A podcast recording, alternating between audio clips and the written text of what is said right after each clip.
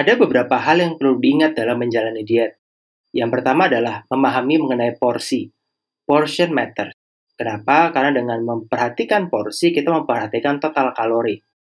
Mau jenis diet apa pun, kalori is still the king. Artinya, untuk menjaga agar program penurunan berat badan dapat terjadi dengan baik, maka kita agar menjaga porsi dari makanan kita, supaya kalorinya tetap tidak berlebihan, dan juga tetap defisit untuk mendukung penurunan berat badan.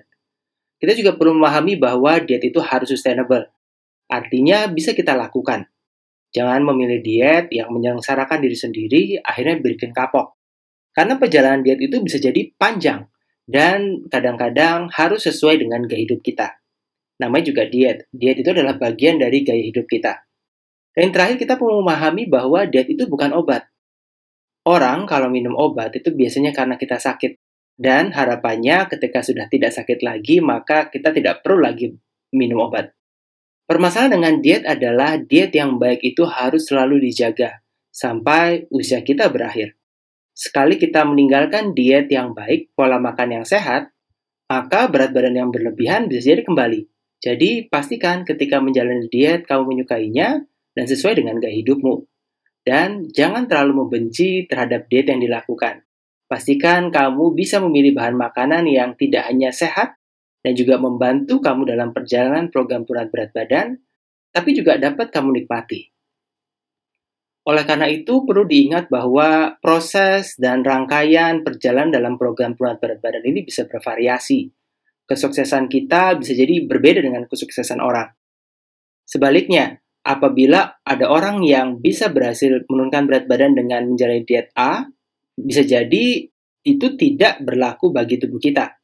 Oleh karena itu memahami bahwa weight loss adalah sesuatu yang personalized, yang tergantung pada diri kita adalah kunci. Setiap dari kita membawa susunan genetik yang berbeda. Kita memiliki gaya hidup yang berbeda. Ada orang yang punya banyak waktu luang untuk berolahraga, ada yang tidak. Ada yang stres, ada yang tidak. Ada yang punya uang lebih banyak, untuk bisa digunakan dalam beragam jenis diet, ada yang secara finansial cukup terbatas. Dan ada banyak faktor lain yang tidak bisa disamakan satu dengan yang lain. Oleh karena itu, kita perlu paham bahwa diet yang kita jalani harus spesifik terhadap diri kita, sesuai dengan kebutuhan kita, sesuai dengan kondisi kita dan keinginan kita dalam menjalani hidup.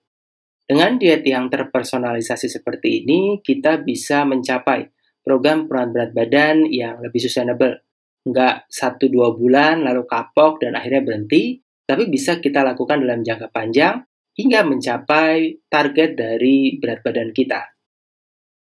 Ingat ya, diet ini bukan hukuman. Diet adalah bagian dari pilihan yang kita jalani karena kita mencintai tubuh kita, bukan karena kita membencinya.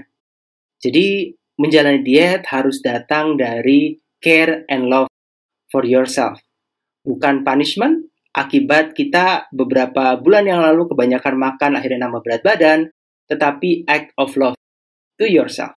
Karena dengan demikian kita bisa menjalani dengan lebih ikhlas, dengan lebih baik, dan lebih mindful. Sehingga kita nggak gampang capek dan akhirnya memutuskan untuk berhenti berdiet dan kembali pada pola makan yang lama dan buruk.